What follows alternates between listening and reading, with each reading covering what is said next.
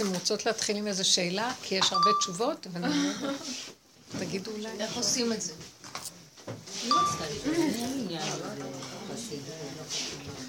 אני רציתי, אני רציתי באמת, אני באמת, בואי, נתחיל.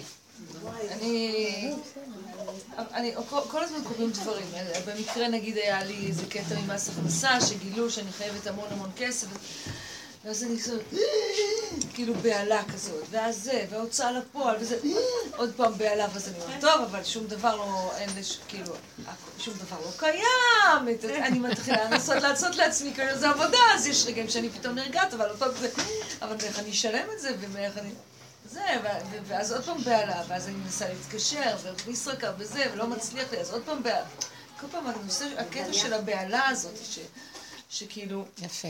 אני לא יודעת איך, וזה דוגמה, וזה קורה, פשוט, הבהלה. לא הבהלה. כבר המצאתי לשיר לבהלה הזאת, אני כבר, מרוב שהיא... כתוב, והמן נבעט, נכון? מה זה? כתוב במגילה, והמן נבעט. נבעט, הייתה לו בעתה. הבעתה והבהלה שיש לנו זה מההמן שלנו. ההמן זה היסוד של כל המטריקס הזה, זה עץ הדעת. זה הכוח הגבוה השכלי המשקיף, שרוצה בשכל להבין הכל. עכשיו, ברגע שאת מבוהלת, סימן שהוא בפעולה. למה הוא בפעולה? כי הוא מתחיל לחשוב. אוי ואבוי לי, מה יהיה איתי? מה אני חייב? מאיפה אני אחזיר? איך אני אסתדר? מה אני לא אעשה? כן אעשה. כל המהלך הזה, סימן שהמוח שלך בפעולה, בטבע. אז הוא מביא לך בעתה, חרדה, דאגה, לחץ, מתח, סבל. כל המצוקות שלנו נובעים מזה שהמוח פתוח. עכשיו, זו התוכנה שאנחנו חיים בה, אז מה נעשה? לא, לא נחיה? נתבונן בה. הרגע של ההתבוננות מחלישה את הבעתה. אני זוכרת שגם כן נכנסתי פעם לרב אושר, היה לי איזה שיעור באיזה מקום, זה היה התחלה, שדיברתי שיעור, והייתי באיזה מקום ש... על טהרת החרדיות הקודש, ודיברתי. והיו שם שתי נשים שהקליטו והעבירו את זה לרב המקומי. ואז, והייתה לי תחושה משהו לא בסדר בשיעור הזה. אבל אה, משהו חזק, שכשהלכתי הביתה הרגשתי, לא, לא היה לי שקט נפשי. ואז למחרת הם הביאו את זה לרב, והם אמרו, תראה, היא אמרה ככה, והיא אמרה ככה, ומה זה אומר, ואז הרב אמר, תעצרו את השיעור. ובקיצור, אני קיבלתי מזה פחד מסוים. יש פחד, אימה וחרדה בעולם החרדי מפני שומרי החומות. וצאוני השומרים רימסו ומבר, היכוני פצאוני, נשאו את רדידים מעליי שומרי החומות. זאת אומרת, פה במקומנו לא ייאמר כזה דבר, זה משתמע שיכולים לטעות מזה. זה, זה, זה, זה תוכנית הצדת. ואני דיברתי, התחלתי להכניס איזה חידוש מסוים. שהיה, ואני דיברתי לקהל רגיל, כן? כמו שהייתי פעם רגילה, אבל בינתיים, ואני יודעת שהשתחל משהו מהכיוון החדש, וזה לא היה נשמע. דווקא היה, היו שני חלקים בעיר שהייתי אצלם. אצל החסידים זה עבר, אצל הליטאים זה לא עבר. הקיצר, אה, יצאו מתנגדים, והיה רעש גדול, וזאת שארגנה לי את השיעורים אמרה לי, אה, מה פתאום, נפנה לרב של השכונה, ואנחנו נדבר, ואנחנו נעשה. ואז אמרתי לה, אני אלך לשאול את רבו אושר. והיה לי פחד, כן? הם יכולים אה, להוציא פצ'קווילים על אנשים, להרוג אותם, להוציא חרב, לא יודעת מה, על רב אושר לא רצו. אה, הקיצר, הלכתי לרב אושר והייתה לי בהלה, זאת בדיוק הייתה המילה. הייתי דמות מוכרת, היה לי ממסד שלי, והייתי טיפוס ידוע וזה. ועכשיו, אני עומדת בפתח, והגבאי, זה שתמיד מכניס אותי, רוצה להכניס אותי, וכאילו משהו עוצר אותי בפתח, ואני שומעת את רב אושר אומר, ואני חשבתי שהוא מדבר עם הגבאי. ואני שומעת אותו אומר, אה, הם לא קיימים, לסגור את המוח, אין להם מציאות. הם לא מציאות בכלל. אין אף אחד פה. ככה, מילים כאלה. ואני חושבת שהוא מדבר איתו. ואחרי איזה דקה, כאילו הוא רומז לי להיכנס.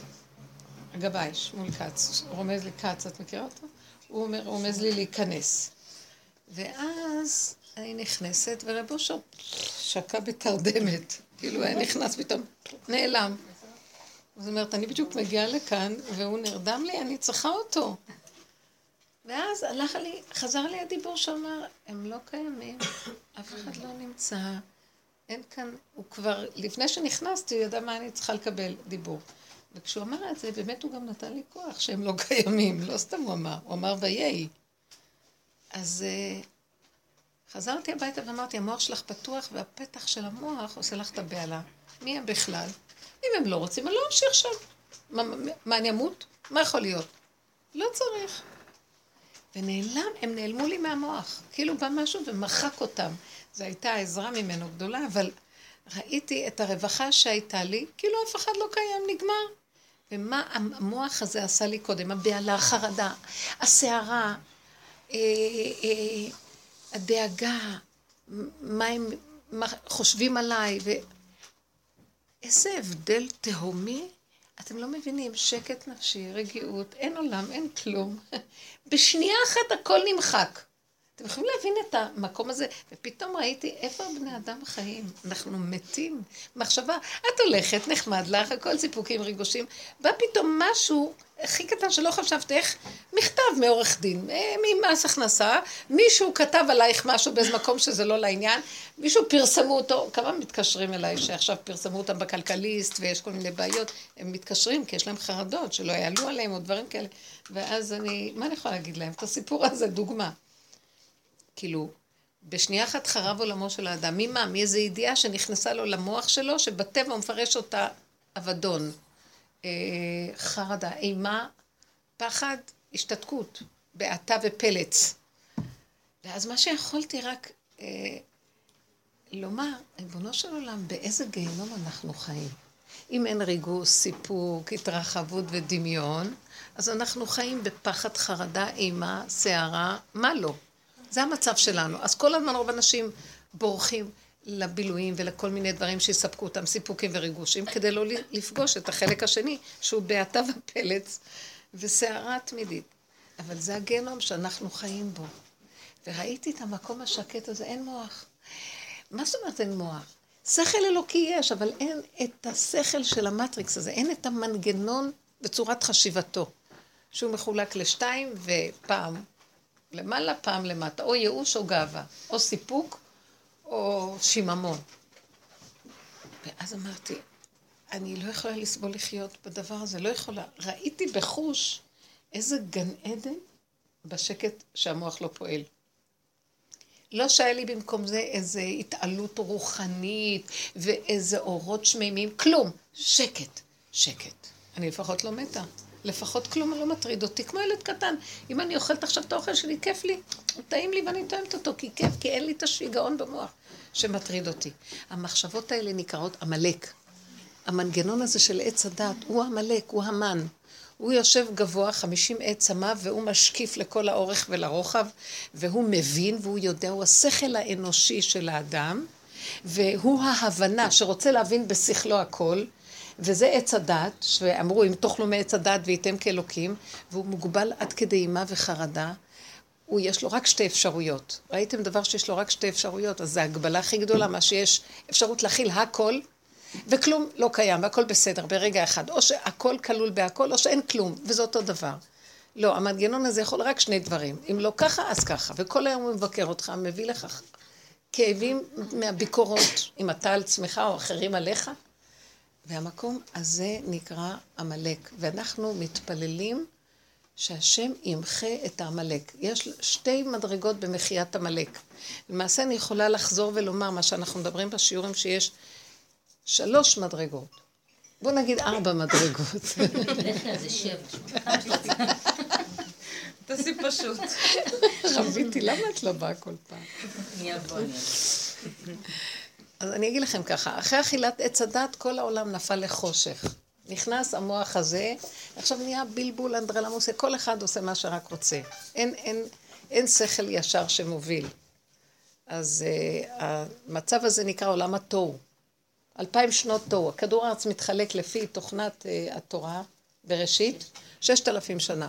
שישה ימים, כל יום אה, של הקדוש ברוך הוא זה אלף שנה, ששת אלפים שנה התוכנית, עולם התיקון של הבראשית. אז אלפיים שנה, אלפיים שנות תוהו. אלפיים שנות תוהו, הן מסמלות את הרוע הכי גדול שהיה בכדור הארץ. מה זה הרוע? אין לבני אדם כיוון. כל אחד, איש הישר בעיניו יעשה.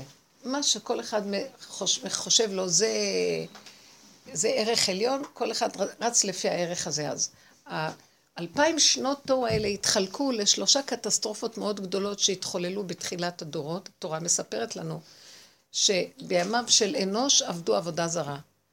אנוש היה בן של שת, אני חושבת, שהיה בן של אדם הראשון, אני חושבת שהוא אחד הראשונים. והוא בסך הכל, כולם ידעו שיש השם, כי זה היה עוד קרוב לבריאת האדם, אבל כל אחד התחיל לדמיין מהו. אז הוא רצה להגיד להם, אתם יודעים מה? בואו נעשה סדר. אתם יודעים מה זה השם? אז הוא אומר להם ככה, אתם רואים את השמש? מי זה שנותן לשמש כוח? זה השם. עכשיו, כולם שומעים השם, אבל הם רואים שמש, אז הם התחילו לעשות עבודה זרה מהשמש. הוא רצה בעצם להכיל את שם השם, שכל אחד יקרא להשם, ומכל דבר יראו שיש השם. אבל מה קרה? כולם תפסו, שהוא נתן להם את הדוגמאות, נתפסו בדוגמה ועזבו את השם. לא, לא יצליחו לחיות בדבר מופשט. רצו את המוחשי. כמו ילדים קטנים רוצים מוחשי. והתחילו לעבוד עבודות זרות, והיה כאן קלקול לא נורמלי. כל אחד עשה לעצמו מה שרק נראה לו, וכל אחד יגיד, אל תתערב לי, זה האמת שלי, כן? כמו שיש היום גם כן לזה.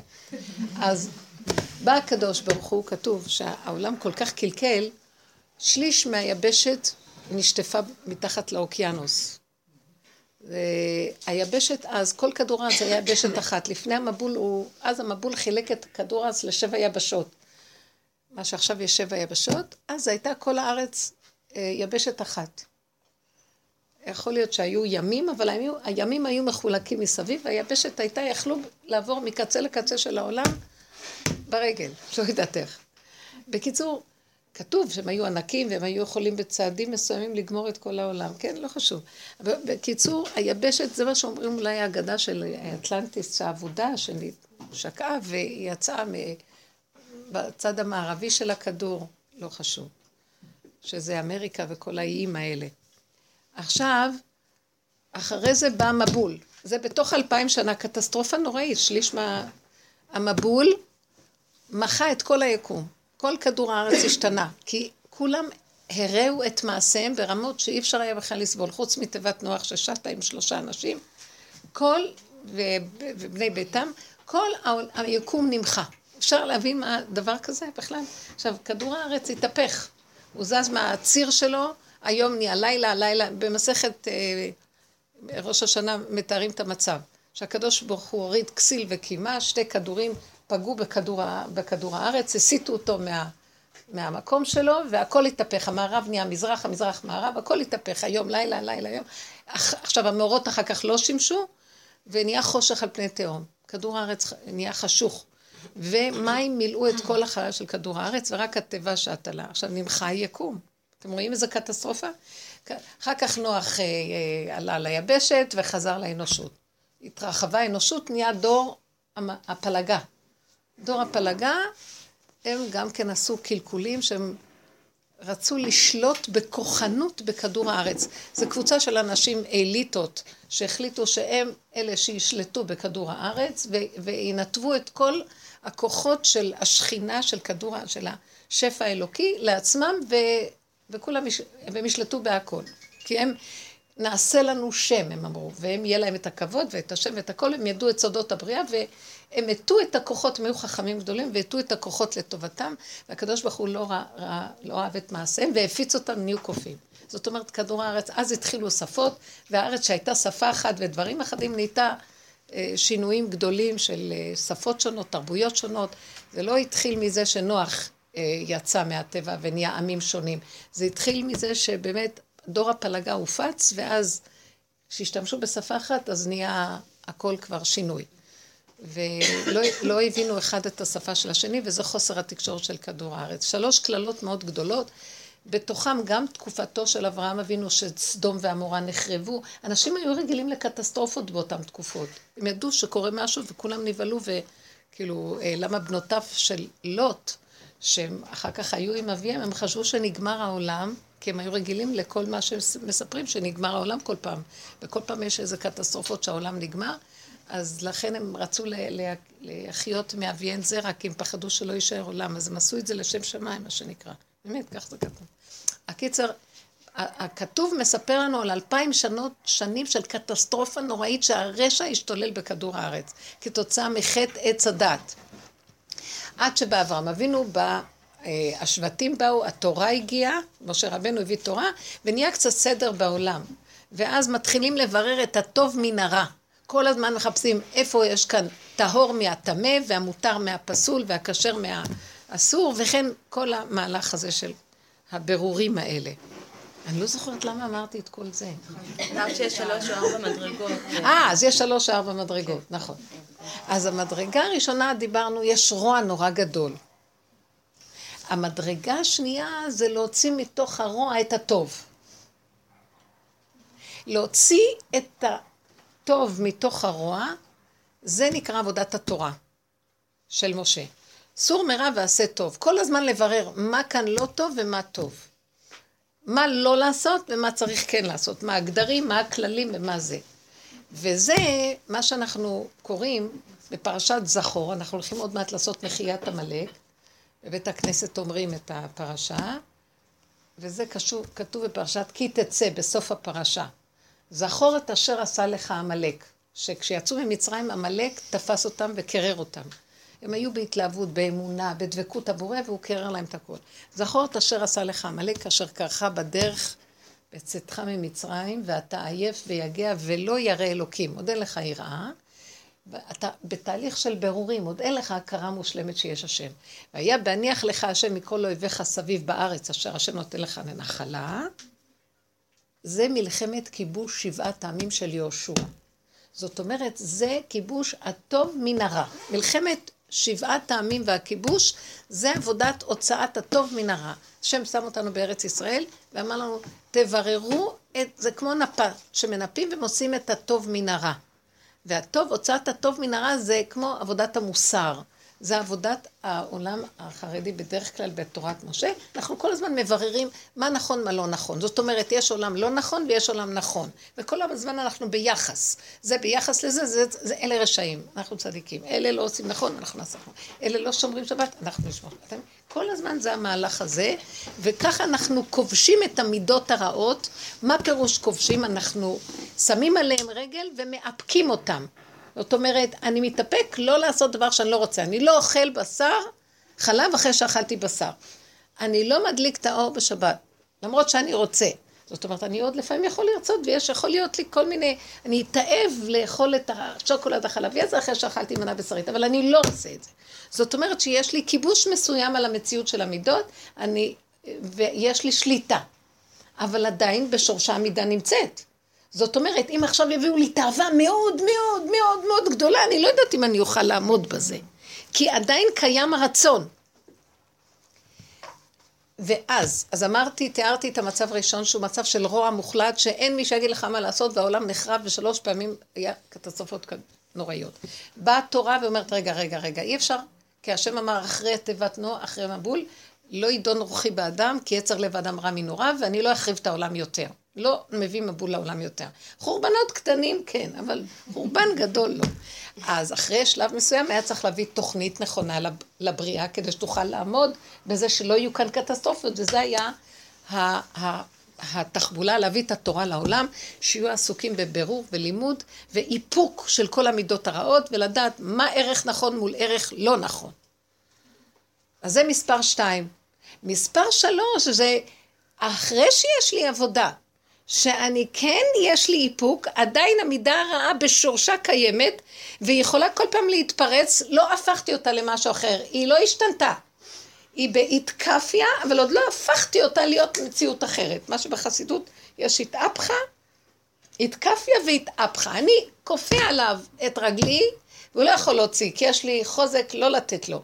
אבל אם יצויר שייתנו כוח מלמטה מדי חזק, הרגע שלי תעוף ואני, הוא יקום. הוא עדיין יכול לקום עליי. בא הציווי השלישי, מלחמת עמלק. זכור את אשר עשה לך עמלק, כשתירגע מהעבודה הזאת של בירור הטוב והרע, ויהיה לך איזו שליטה מסוימת, תדעו לכם, העבודה הזאת שאנחנו עושים, זאת עבודת מחיית עמלק, היא עבודה של אחרי שליטה של טוב מן הרע. היא כבר מרמזת שאנשים צריכים לעשות איזו עבודה קודמת. לא כל אחד יבוא לעבודה הזאת. זאת עבודה שהיא דורשת שכבר אנשים יש להם איזשהי איפוק מסוים, איזו מערכת חוקים שמכניעה אותם, והם לא חיים בהפקרות ובא להם ועושים כל מה שהם רוצים, פתאום הם יעשו עבודת מחיית עמלק. מחיית עמלק היא עבודה שלישית, היא כבר עבודה של ההתבוננות בשורשים של השלילה. לא מחיצוני של הדבר. זאת אומרת, טמא מטהור. אלא אני מחפש למה יש כאן טמא, מה השורש הטמא פה ואני משרש אותו ויורד לעומקים שלו. וזו העבודה שאנחנו עושים, זו עבודה של רב אושר. זה הוא ירד, ובאמת, אה, בחז"ל מצאתי בהרבה מקומות שעבודתו של משיח שהוא יושב בדרגת מצורע, אמרתי לכם, יורדת, הוא יורד למדרגת... עכשיו, אם כל הצדיקים תיקנו את הבגדים העליונים, הוא יורד לשולי הגלימה, אפשר לכלוך בשוליים, ושם הוא יושב, ושם הוא מתעסק. וההתעסקות זה בשורשים של הרוע. עכשיו, זה העבודה הזאת. אנחנו מסתכלים, והדבר הראשון, בסור מרע ועשה טוב, אז הוא רע ואני צריך להיזהר שאני לא אדבק מהרוע שלו, אני זז ממנו. בעבודה של מחיית עמלק, זה מחייה, הכוונה, כמו שאת לוקחת מטלית ועושה ככה. זה כמעט בלי שום טיפת דם לא ירד. שום דבר מעשי לא קורה פה. אלא הנקודה היא התבוננות, הכרה, אה, הסתכלות, הגדרה. אז אני מתבוננת ורואה, הוא מראה לי את הרע שלי. למשל, רשות המיסים עכשיו מראה לך את החרדה. לא, לא ידעת קודם שיש לך בעתה כזאת. אולי ידעת, כי כל לכם יש כל מיני ניסיונות. פתאום את אומרת, איזה פחד. עכשיו, רשות המיסים הייתה רק סיבה. היא רק הייתה מראה ומקל להראות לך כמה חרדה שוכבת לך למטה. איזה מנגנון קשה שוכב, שהוא רק מחכה מתי יבוא איזה ניסיון שאי אפשר לעמוד בו, ואז הוא משפריץ את הבעתה שלו.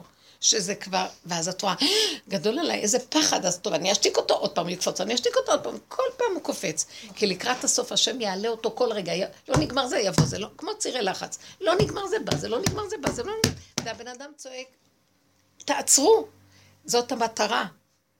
לראות שאנחנו לא יכולים גם את מחיית עמלק, אנחנו יכולים להכיר, לעשות עבודות, זה נהיה פחות ופחות, הכוונה, את כבר בשליטה, כי את יודעת שזה המוח של עץ הדת, זה מרגיע אותך.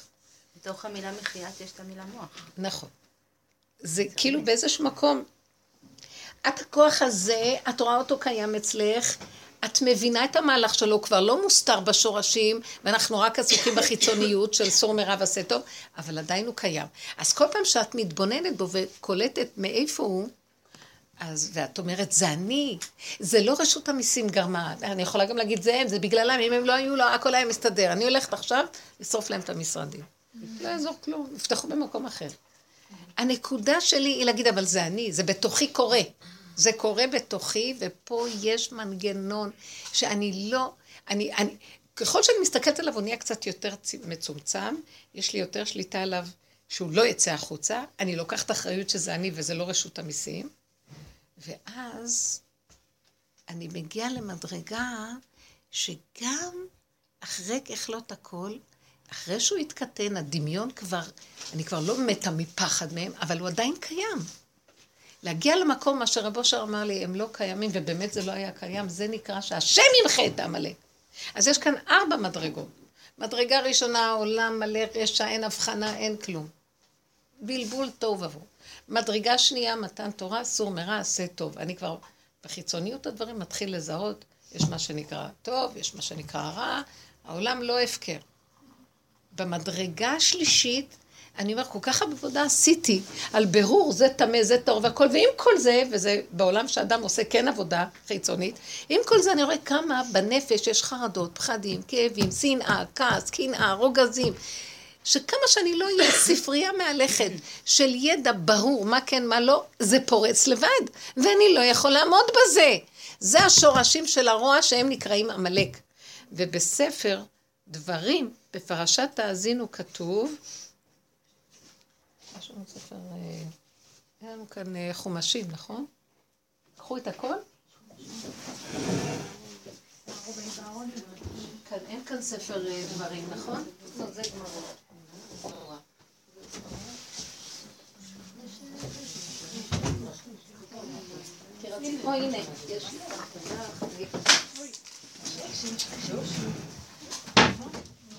כתוב כאן, בפרשת האזינו, שזה הפרשה לפני האחרונה, אז אומר כאן, תקשיבו, תראו מה זה השורשים של עמלק, איך התורה... אה, קודם כל, עמלק נקרא ראשית גויים עמלק, ואם אנחנו מדברים עליו, כי זה עכשיו הזמן של המחייה שלו, אז הוא די מעסיק אותנו.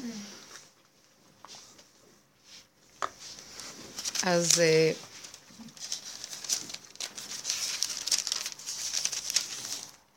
זאת אומרת שכל הבלגן, קודם כל, כל התהוות אומות העולם זה מעמלק עצמו. כל הרוע שבעולם זה יסוד העמלק.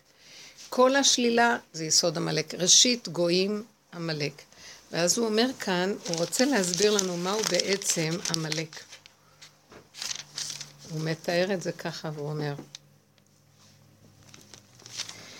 כי לא כצורנו צורם ואויבינו פליליים, ככה אומר, כי מגפן סדום גפנם ומשדמות עמורה ענבמו, ענבי ראש רש וו שין, שזה רעל, ענבי ראש אשכולות מרורות למו, חמת תנינים יינם וראש פתנים אכזר. הלא הוא כמוס עמדי, חתום באוצרותיי.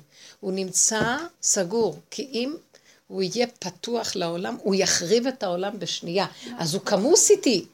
מי הגיבור שייכנס לאוצרות האלה ויחתוך לו את הראש? אז כתוב, אז נותנים לו את הבת מלך, יש כאלה תמיד אה, אגדות.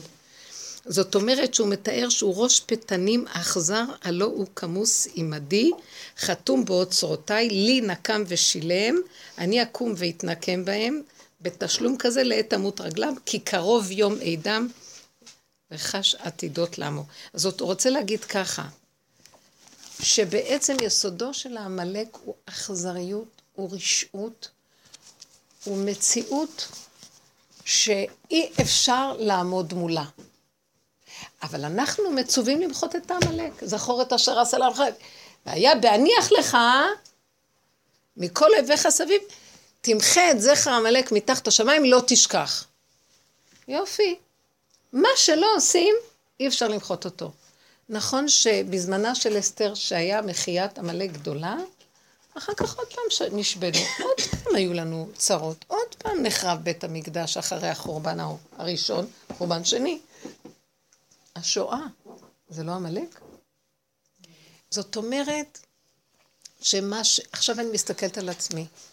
כמה עבודה של התבוננות וכמה עבודה של הכרה זה לא, זה לא רשות המיסים. החרדה שלי, תראי איך את נראית, את עובדת עבודה זרה, את מתה מפחד מהם. כל החיים שלך זה הלירה הזאת. ואם הלירה הזאת תזוז ימינה, את מתה, ואם שמאלה גם את מתה. אין לך חיים בכלל מכלום. וכל הזמן ההתבוננות שלנו לראות איך אנחנו נראים מכל דבר ודבר. כאשר הכלל המנחה אותנו בעבודת מחיית עמלק שאנחנו מצווים בה, זה כל הזמן להסתכל ולראות. כל מה שקורה בחוץ, אין לי להאשים אף אחד, זה רק הם המראה והמקל להראות לי את עצמי. ולקבל אחריות שזה אני, ולעבוד בהכרה שזה הכל פה. ויש לי כאבים מזה, כי גם האגו שלי לא כל כך שמח שזה אני. זה מאוד קשה שהבן אדם אומר את האמת, זו האמת. ואתה צריך לקבל את האמת ולהיכנע לה. זאת אומרת, את עובדת נגד עמלק, אשר עמלק בתוכך נעלב, שמראים לו שזה הוא. וזה דבר, והכל מבולבל. אז אני עושה עבודה, ואחרי ככלות הזמן והמקום והעבודות והכוחות, אני הרגשתי לאחרונה, כל כך הרבה עבודה נעשתה, והוא לא מת. הוא נחלש, אני מרגישה, אבל די, הוא לא נגמר הדבר הזה. אני נזכרתי במטריקס שבאמת, כמה שלא הורגים חיילים, קמים עוד עליהם. וכשהוא רודף אחרי הסמית הזה, הסמית הזה לא נגמר לו אף פעם, נכון? מה בסוף קרה לו? מטריקס 2. לא, רבית אמרה את מטריקס 2. לא, יש שלוש. אה, יש שלוש. עכשיו עובדים על חמודים. אמרתי לכם שיש ארבע דרגות.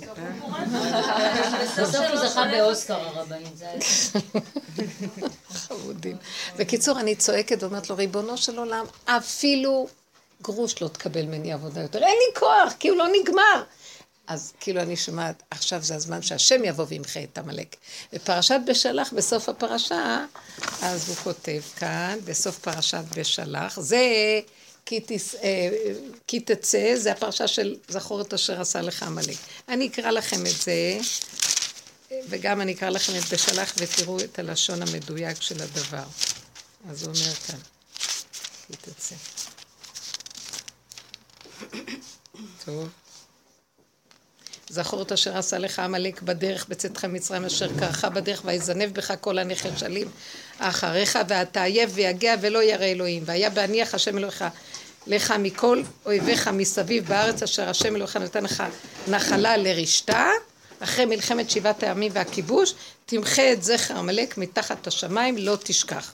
עכשיו במקום אחר זה אנחנו מצווים לעשות וזאת העבודה של ההתבוננות. עוד תתבוננו בעצמכם ואל תוותרו, קחו אחריות, אל תתנפלו על השני, אל תרצו להיות צודקים.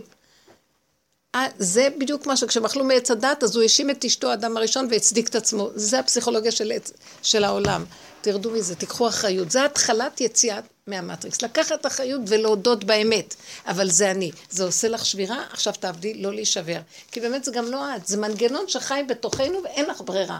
ואת מחלישה אותו על ידי זה שאת מכירה אותו ואת נמנעת מלהתרגש אישי. אבל אם כל זה מאוד קשה לשחרר, ואנחנו שבורים, כל פעם מחדש, זה קשה מחדש, ואי אפשר לסבול. בייחוד שלקראת הסוף, הוא פשוט, זה שירת הברבור. זה כנראה לפני השחיטה שלו, הוא משתגע, והוא מרגיז אותנו מאוד מאוד. וכאן כתוב ככה: ויאמר השם אל משה, כי יהושע יוצא להילחם בעמלק, ומשה מחזיק את ידיו, ואהרון וחור מחזיקים אותו, כי כשידיו של משה מוחזקות כלפי שמיא, אז עמלק לא יכול לגבור עליהם, ישראל גוברים, וכשהוא מוריד את היד, אז עמלק גובר. זה כאילו מסמל את העניין של האמונה. אז הם החזיקו לו את הידיים שיהיה למעלה, עד שיהושע החליש אותו, את העמלק, לפי חרב. ואז הוא אומר, ויאמר השם אל משה, כתוב זאת זיכרון בספר, ושים באוזנו יהושע. כי מחו אמחה את זכר עמלק מתחת השמיים. מחו אמחה, הקדוש ברוך הוא. ויאמר כי יד על כס קם מלחמה להשם בעמלק מדור דור. זאת אומרת, זה כבר השלב הרביעי שהקדוש ברוך הוא יבוא ויעשה את המחייה הכללית. וזה בסוף.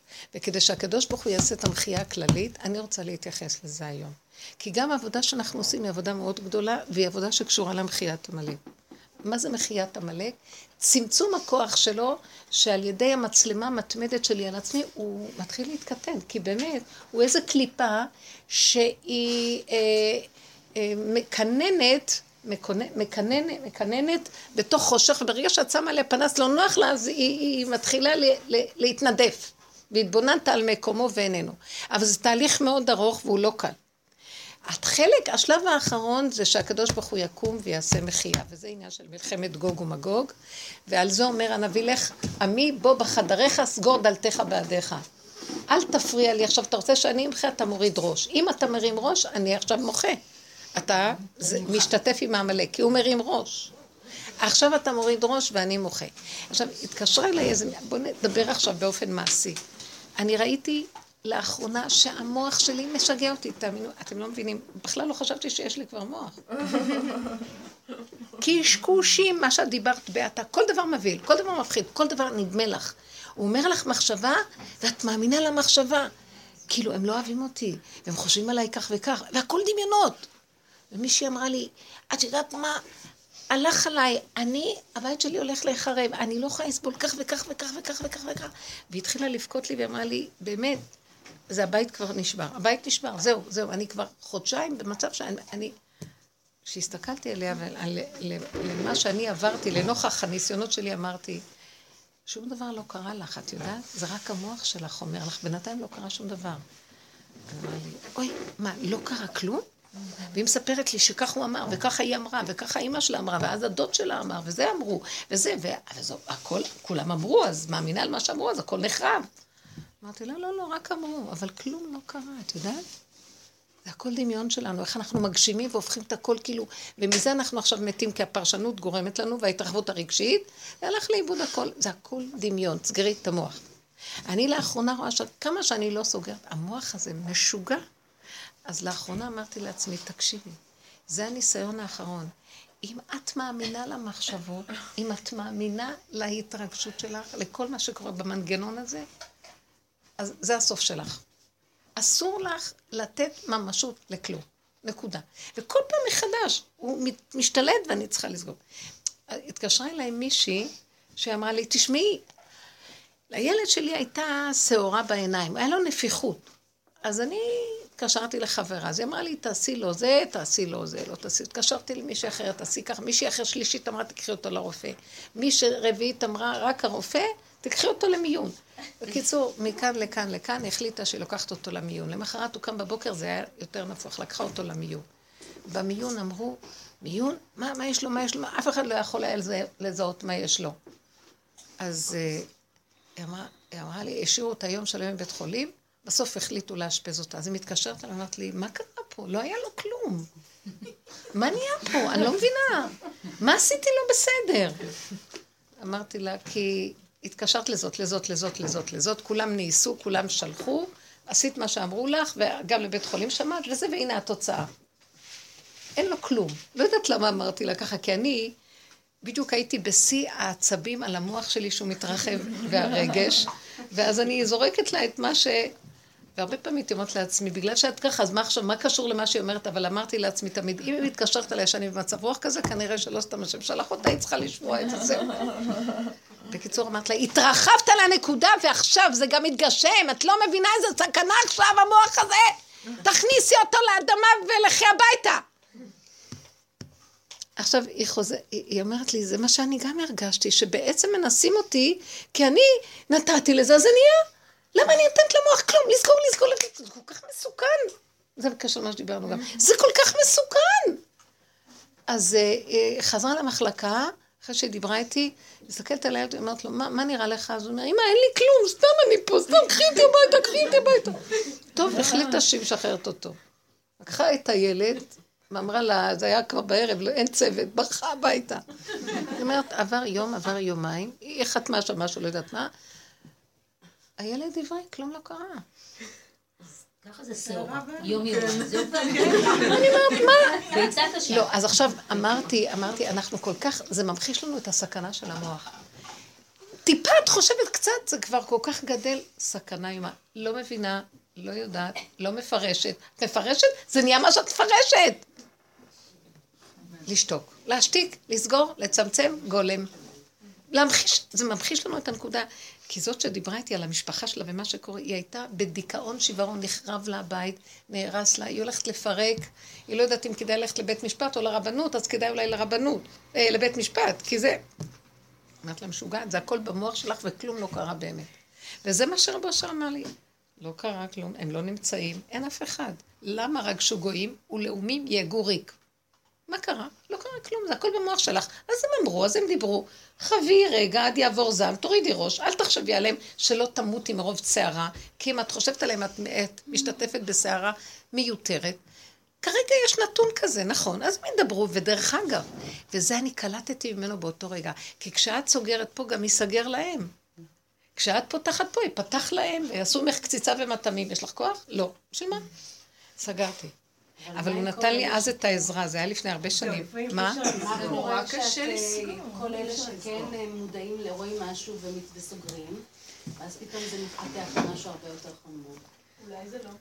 למה? אבל יש כאלה שההתעלמות שלהם, הם לא, התעלמו. לא כי את לא מבינה, כי תקשיבי רגע, אני לא דיברתי בטבע להתעלם, דיברתי מטעם העבודה ממש. בדווקא לסגור ולהיות מחוברת לנשימה ולפחד שמא אני אתרחב. את נותנת עבודה אחרת, את לא סתם סוגרת ומתעלמת בטבע, זה נקרא התעלמות, זה נקרא הפקרות גם, בטבע. כי בטבע יש אדם אחראי ויש אחד בהפקרות, לא אכפת לו כלום. אני לא מדברת על פני המצבים האלה. אני מדברת שקופץ לך מצב שרוצה להיות אחראי, ואת עכשיו סוגרת אותו מהר מהר מהר, שמא הוא יתגשם ויהיה באמת משהו, ועכשיו כולך דרוכה לנקודה, זאת עבודה, מלחמת עולם פנימית, לא לפתוח את המוח. את יודעת איזה עבודה את נותנת?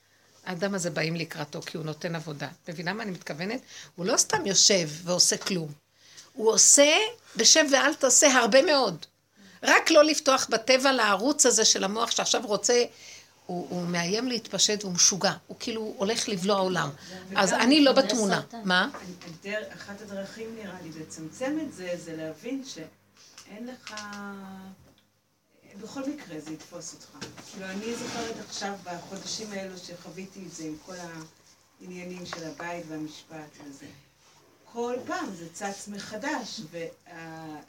ואני חושבת שהרגעים שזה טיפה כן נרגע, זה רגעים שכן הבנתי, לא יעזור לי, אני לחוצה, אני חרדה, אני מבועטת, גם זה לא שלי. כמו שאת אומרת, יפה, אבל זה לפחות את עושה כאן עבודה. מה הכוונה? לא למה אני... לא עזר לי לצמצם. לא, תראי, יכולת לבחור במקום אחר. יכולת לבחור במקום אחר. יכול... להבין שגם זה באמת לא, לא שייך אליי. ככה נולדתי, עם, עם לב חלש כזה. כזה, עם אה, רגישות כזאת, לא יודעת. אבל, אבל... רב אושר... הוא היה מגדיר את זה ככה, יש שתי עבודות, ובאמת זה נכון שצריך קצת לראות, אולי יש לנו אפשרות נוספת. האפשרות אחת, הוא אמר, יש מלכתחילה ויש בדיעבד. אם הבן אדם לא עמל קודם לחיות את הסכנה של מציאותו ולסגור, אז uh, הוא נשאר בהפקרות של המחשבות, והוא הולך בטבע של החרדות, ואחר כך, הוא, אם הוא נותן עבודה, הוא רואה שאין לו ברירה, כי הוא יהיה חרד, ויהיה כאוב. אז הוא מתחיל לעשות עבודה אחרי, יש לפני ויש אחרי. בלפני, אני סוגר ונקודה. סוגר. כמו שהוא אמר לי, הם לא קיימים, הם לא נמצאים, אין כלום. יש מקום שהאדם סוגר שם, אז הוא סוגר. הוא סוגר, הכוונה, הוא לא יודע כן, הוא לא יודע לא. אין לו את האיסורים הנוראים האלה, הוא קורא לזה בעל האיסורים. הוא היה מגדיר שיש מה שנקרא צדיקים ויש בעלי תשובה. בעלי תשובה, ייפתח להם המוח, והם, ככה הוא הגדיר את זה, כאילו, והם בעלי איסורים, כי הם צריכים עכשיו לסגור אחרי, כי לפני הם לא יכולים. והוא אמר, מה ההבדל בין אלה שמראש אוחזים, תופסים את המות בידיהם, ולא נותנים, כי הם יודעים. אז הם ברמת איפוק כזה, שהם לא עוברים את הסבל הנוראי שלאחר מעשה. טוב, דרך אגב, היא צודקת, העבודה שלנו זה לאחר מעשה כמעט. כי אנחנו, רובנו, לא יכולים להחזיק מעמד בלפני, גם רב אושר היה אומר, שעבודה כולה שלנו היא גדר של תשובה. ולכן באיזשהו מקום אה, מתחמק משהו, ואנחנו לא יכולים, ל, ל, יש דרגות שונות לדבר הזה. בכל אופן, כן יש מקום שאנחנו נתעקש עם המוח שלנו, כמו שהיא אמרה לי, עכשיו הבנתי, שאני פתחתי את המוח עם השעורה הזאת, בשביל מה הייתי צריכה את זה? אז אין, זהו. זאת אומרת שאני אחיה את הסכנה שלי, אני אמות מפחד שלא ייגעו בי, כי כבר נגעו בי ואני יודעת מה זה, ואני לא מזמינה עליי צרות, כלום. מהפחד של המכות, לא תודה, סוגרים. סוגרים, מקפלים וזהו. אין. אם האדם לא יהיה חזק ברמה הזאת, הלך עליו. והוא יהיה חייב למצוא את נקודת החוזק הזה, כי הוא כבר נגוע בו, אז הוא לא פראייר מטומטם שיהיה מופקר, ותנו, רק תיגעו בי בו, כל דכפין יתה ויאכל. לא. אז הוא סוגר. אז על הרמה הזאת אני מכוונת. היא מדברת על הרגעים שלא יכולה לספור. לא הצלחתי לעשות את זה. זה מה שאני אומרת, איך עושים? ואז שאלתי דבר ראשון, איך עושים את זה? לא הצלחתי. עכשיו אני אגיד לך דוגמה. זה לא פעם ראשונה שקורה כזה דבר בווריאציות שונות, או עם נתונים שונים, נכון? נכון עכשיו, את צריכה להיזכר, וצריך להיות לנו באומטר. שכמה הנפש שלנו סובלת. אתם יודעים שאנחנו סובלים הרבה ואין לנו ערך לסבל שלנו? מופקרים שכמותנו? תביאו את סבל, תהרגו אותי עוד. אם היה לנו ערך לשכינה שבתוכנו, לא היינו נותנים לעצמנו לסבול ככה, והיינו סוגרים מה אכפת לי? לא רוצה לחשוב, לא רוצה לדעת. אני כרגע מהבהלה שיכול להיפתח לי, אני סוגרת. אחר כך, אני יהיה לי רגע שאני אוכל לפתוח לראות מה אפשר לעשות. אני לא נכנסת בזה עכשיו. משיחה. צריך חוזק הלב לדבר הזה, ומי זה שיהיה לו חוזק הלב? שאחד שכבר עבר סבל כזה, שהוא אומר, טיפש מי שיכניס את הראש שלו בגליוטינה הזאת עוד פעם. מתנדב. מה עושים עם הקטע של השכחה? הרי סבל זה דבר ששוכחים אותו, כמו שאת אומרת. אני אגיד לך את האמת, וזאת העבודה ש... רבותיי, בנות יקרות, ויש לי מסר אליכם. אתן באות לשמוע שיר רחק לשבועיים. אתן צריכות לחיות את העבודה, נשימה נשימה. זאת עבודה, בנפשנו הדבר. נותנים כלים, ואני לא חייבתי אתכם, כאילו אני נותנת שיר והולכת, ואני אומרת לכם, אוי ואבוי לכם אם אתם עושים עבודה. כל אחד צריך להבין את זה. שיעורי בית. השיעור- התורה שנפתחים לנו המון ניסיונות בדרך הזאת, ואנחנו בסכנה מאוד גדולה. כי זה לטובתנו שהוא רוצה אותנו אליו, אבל טיפשים, אנחנו גם קצת פותחים את הראש ורוצים גם קצת לשלוט במצב ולראות מה קורה, ושם הלך עלינו. מההתחלה, סוגרים וזהו. הולכים ונקודה. אני אגיד לך את האמת, את זה שאני אגיד לך את האמת, את לא זוכרת. כשאת אמרת לי למצב שלך, אני נתת לך שתיים שלושה דברים, לא רצית להקשיב. נכנסת למצב של כאבים. למה? לא היית חייבת לעבור דרך זה. עכשיו, לא היית... עברתי דרך זה, לא לא. יכולתי. לא. זה כי- העיר אותי כי לא- כי. לא יכולת, כי את... כי ה- יש בתוך האדם משהו מזוכיסטי, סליחה שאני אומרת את זה, ש- שמכריח אותו ליפול לתוך הכאבים. הוא מופקר, אנחנו מופקרים. רב אושר אמר את זה, אנחנו מופקרים. לזה. זה כמו שהיא אמרה, היא ככה באה, גם אני באה עם כל מיני, אנחנו באים... יאללה, תלכי לישון עד מחר, מופקרים כולנו. אנחנו שומעים שיעורים, ולכן, לכן, לכן, כן יכולים. שהסבל הזה לא ייגע בי. הסבל שאני עוברת מהמוח ממית אותי. מי שרוצה לח- לחיות עם הסבל הזה ולמות, שיעשה את זה. אני מפחדת ממנו. כי יש לי רגישות. ואני לא מוכנה למות. תעשו מה שאתם רוצות. אני מתה מפחד שהוא ייגע בי. הוא רק מתחיל עליי, אני אומרת לו, אבא, למות, ולא להסתכל עליו. אני לא רוצה לחיות בעולם אם אתה לא שומר עליי. ככה, אני נאבקת, אני מתה מפחד ממנו. הוא יכול להביא את האדם בשנייה לאבדון, לבית משוגעים, לקחת כדורים, להתאבד, ואדם לא ידע למה. אתם לא מבינים את הסכנה הזאת, רב אושר היה צועק. כל עיקרה של העבודה הזאת זה לחיות את הסכנה. כי ברגע כאן הולכים לאיבוד. אבל האדם שהוא כהה חושים, הוא לא יודע, הוא, הוא משחק עם החיים שלו, ובשנייה הוא מת, והוא לא יודע איך הוא מת. מה קרה? תדעו לכם, אנחנו מתים וחיים ומתים וחיים ומתים וחיים, ועל זה ידונו אותנו. למה שחטנו את השכינה שבקרבנו בגלל ההפקרות שלנו? סליחה, לא לתן את עצמי למות, מי שרוצה שייתן. סליחה, אין לי כוח לסבול. וזה הדבר שהעבודה הזאת מלמדת אותי כל הזמן. ברגע שאני רואה איך שאני מתרצה למישהו כי לא נעים לי ממנו, ושאני שחט, אתם יודעים שאנחנו מתעקמים, לא נעים לי של השני, שהשני לא יחשוב עליי ככה, אז אני מרצה אותו, בינתיים אני מתה, קודם אני אחיה. אתם לא מבינים שאנחנו מסרנו את האמת שלנו בגרושים? ומי הם השני שמסרתי עליו את האמת שלי, לרצות אותו? מי הם בכלל כולם? אתם לא מבינים שזה מה שעושה חרון אף בשמיים? אני בראתי אותך שתהיה שייך לי, והאינטרס שלי קודם לך, קודם לכל העולם הזה. שלי זה שלך, כי אם יהיה לך חיים טובים עם אנרגיית החיים שלך, תהיה חיים טובים. אתה מוסר את החיים בשנייה לכולם, ואתה מת. למה? מה קרה? גם פה יש קונפליקט. אה? גם פה יש קונפליקט, כי יש את המקום הזה שכל הזמן אומרים לנו אה, להוריד את הראש, וענווה, וכאילו, ממש, לא, ממש להיות למטה, ויש את המקום הזה שאומר, לא לרצות. זה דבר אחר. תקשיבי. בעבודת, בעבודה מספר שתיים שאמרתי, שזה כיבוש העמים, שזה... אני עומד מול הרע. זאת אומרת, הרע בחוץ ואני פה, והכל מוחצן. ואני עכשיו עושה ברור. עכשיו, בעבודה הזאת, אז מבקשים ממני, אל תתגאה מול השני, אל תהיה מוחצן, תתחשב בזולת, נכון? כי זו עבודה חיצונית של ברור חיצוני, וידעת, אין והשבות האלה לבביך. אין לרדת כאן לשורשים, אני עכשיו בכיבוש חיצוני של הדברים. כשאני נכנס פנימה, אני מתחיל לראות דבר אחד.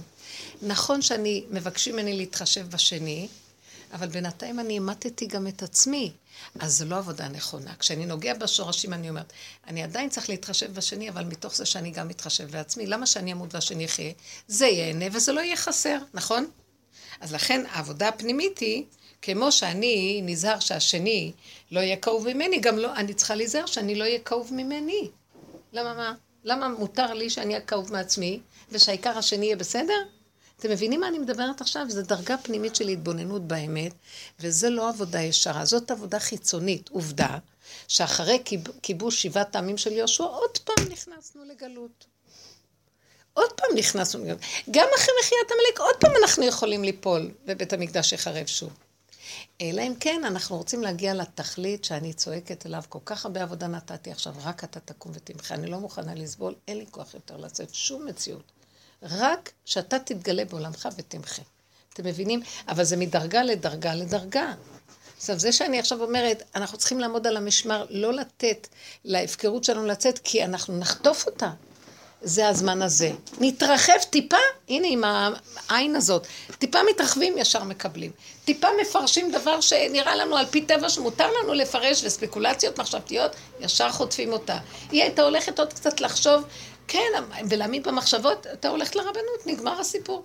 וכשאחרי זה, אני מדברת איתה, היא אומרת לי, אז לא קרה כלום? היא הייתה עמומה מהגילוי. לא קרה כלום? את רוצה להגיד לי שלא לא קרה כלום? הבית לא התפרק עוד? לא היה, כי היא הייתה בצער נוראי שהבית מתפרק לה. אמרתי לה, לא, לא קרה כלום, זה סתם הדמיון שלך, לא קרה שום דבר. סתם הדמיון שלך.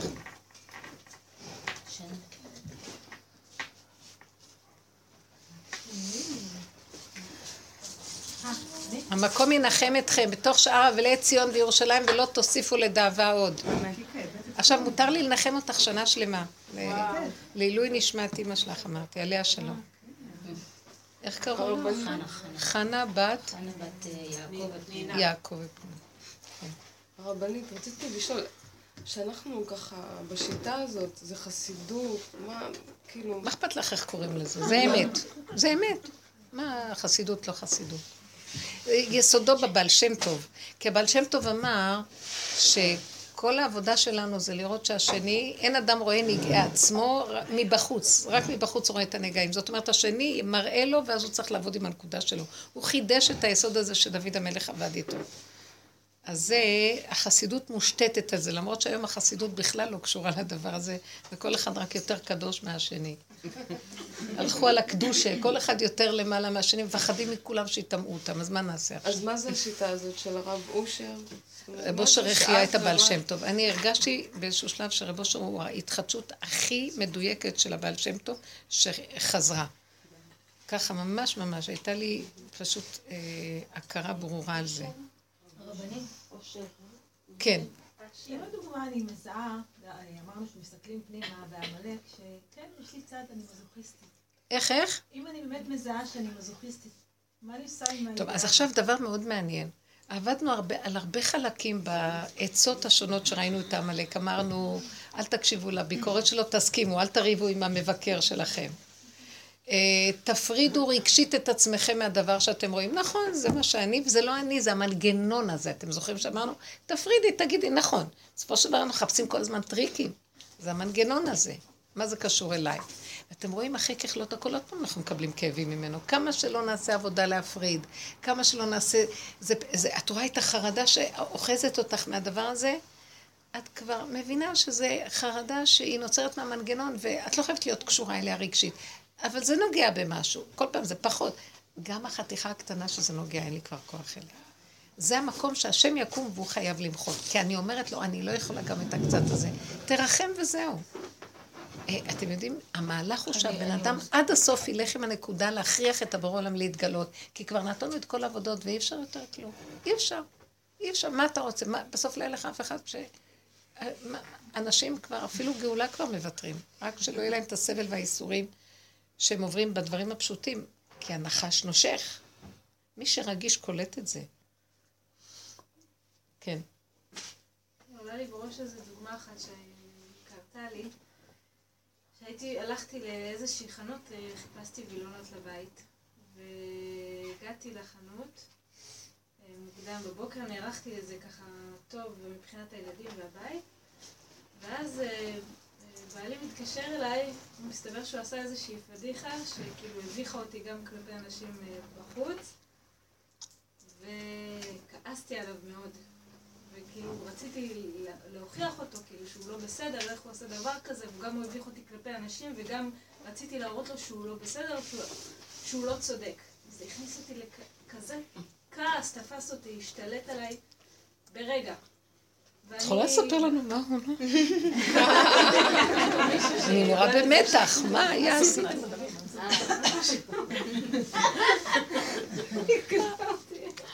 אני כבר חודשים מנסה לספר לה את מה שעברתי אחר כך עם הדבר הזה, לא יצא לי. אבל אה, לא חשוב, עכשיו תשמעי. בקיצור, הסתובבתי בחנות, והלב שלי כאילו בוער, גם מבחינת המבוכה שהייתה לי כלפי חברה, וגם מבחינת זה שרציתי להוכיח אותו כאילו שהוא לא בסדר, וכאילו שהוא, י... שהוא יגיד לי כן, את כן, צודקת. את חייבת להיות, ידיך כאילו על העליונה, כן. ונאכלתי מזה, אבל לא נתתי לזה הרבה זמן. ובאיזשהו שלב כאילו ראיתי שאני לא נהנית מהקנייה שלי וזה לא מתאים לי. והלכתי לפינה שם, לאיזושהי פינה שלא יראו אותי, ונעמדתי מול הקיר והתחלתי לצעוק צעקות כאילו לא בקול רם. זה השם. צעקות כאלו שאמרתי, תיקח את הצדק, שישרף הצדק. אני לא רוצה להיות צודקת, תיקח אותו, הצדק הזה הוא שלך, לא אכפת לי. כן, הוא מכאיב לי. ואין חוץ מהווילונות שאני רוצה על הבית שלי, אין חוץ מזה כלום. ולא אכפת לי, לא אכפת לי משום דבר, כאילו לא רוצה להיות צודקת. תיקח את הצדק הזה, הוא שלך, אין לי שום קשר אליו, לא רוצה להיות. צודקת. הצדק הזה ממית אותי. צדק משמיים. נשקף, מהמוח, שמיים זה למה אני הדת. צריכה להיראות צודקת בפניו? למה אני צריכה למות על הצדק הזה? שאני אהיה צודקת ושהוא ידע שאני צודקת. אז בסדר, אז יש לי מבוכה מול החברה, אני אתנצל. זהו, בזה זה נגמר. כי לא אכפת לי להיות לא- צודקת, ולא אכפת לי לנצח אותו. אבל אם זה במחיר של הכאבים האלה, לא שווה. אני כן רוצה לנצח, אבל לא במחיר הכאבים. אז הוא מביא לי כאלה כאבים כדי שאני ארפה. כי אני אוחזת בזנב הנחש, אז אני מרפה. כי הכאבים, אסור שהנפש שלנו תהיה כאובה. בנות, תתאבדו לא להיות בכאבים. לא שווה שהנפש הזאת תהיה כאובה. תדעו לכם, כל הגאולה תלויה בזה שהבן אדם יעריך את נפשו ולא ייתן לה לסבול. אז איך זה זהו. מתיישב עם משהו אחר, אני לא אחזור לזה. היה כיף מאוד, בקיצור. יופי, ברוך. השם. זה הנקודה. כי זיהית, אני מדייקת כאן, זיהית את הכאב, אמרת, לא שווה הכאב הזה. מצידי אני רוצה לנצח, אבל שלא יהיה לי שום דבר כואב. כן. אני, אעשה, אני לא רוצה לחפש בעולם, אה, לעבוד בעולם. רק מה שמעניין אותי זה שזה מתאים לי או לא מתאים לי. אם יש לי כאב או לא. תבינו, זה האמת הכי מדויקת, כן.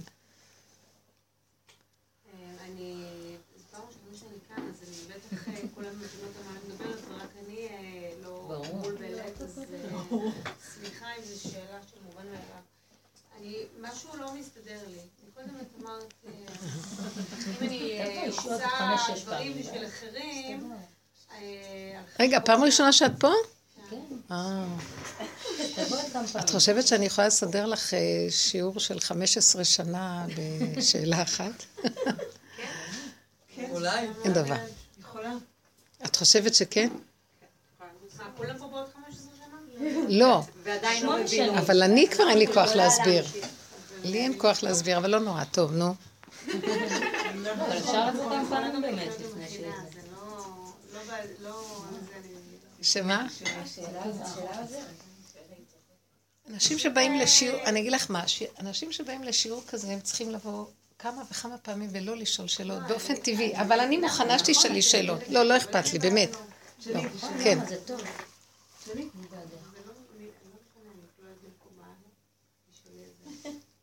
איך, איך? בסדר.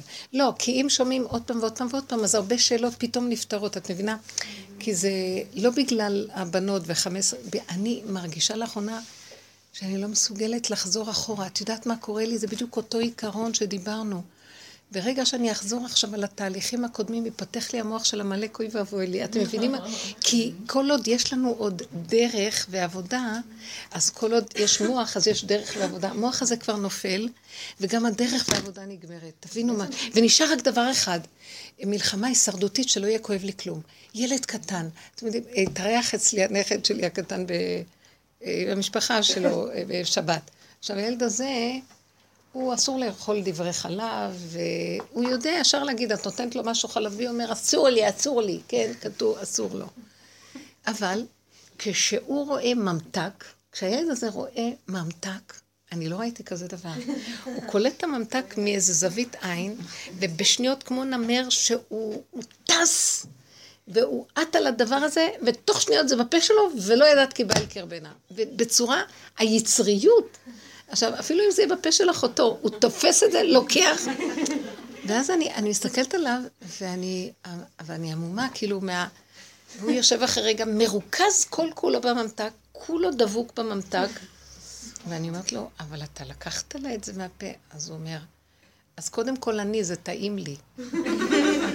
עכשיו, את לא יכולה להסביר, הוא פחות משלוש, את לא יכולה בכלל לנסות להסביר לו. הוא לא קולט, שזה מגיע, כל הדברים האחרים הוא יקלוט, כשזה מגיע לממתק, אין עם מי לדבר. וכשראיתי את היצריות שלו הזאת, בעניין הזה, אמרתי, ככה אני צריכה להיות בעניין של הערך העצמי של עצמי. זאת אומרת, הוא כל כך מעריך את מה שטוב לו, אף אחד לא יכול לו, כי קודם כל הוא.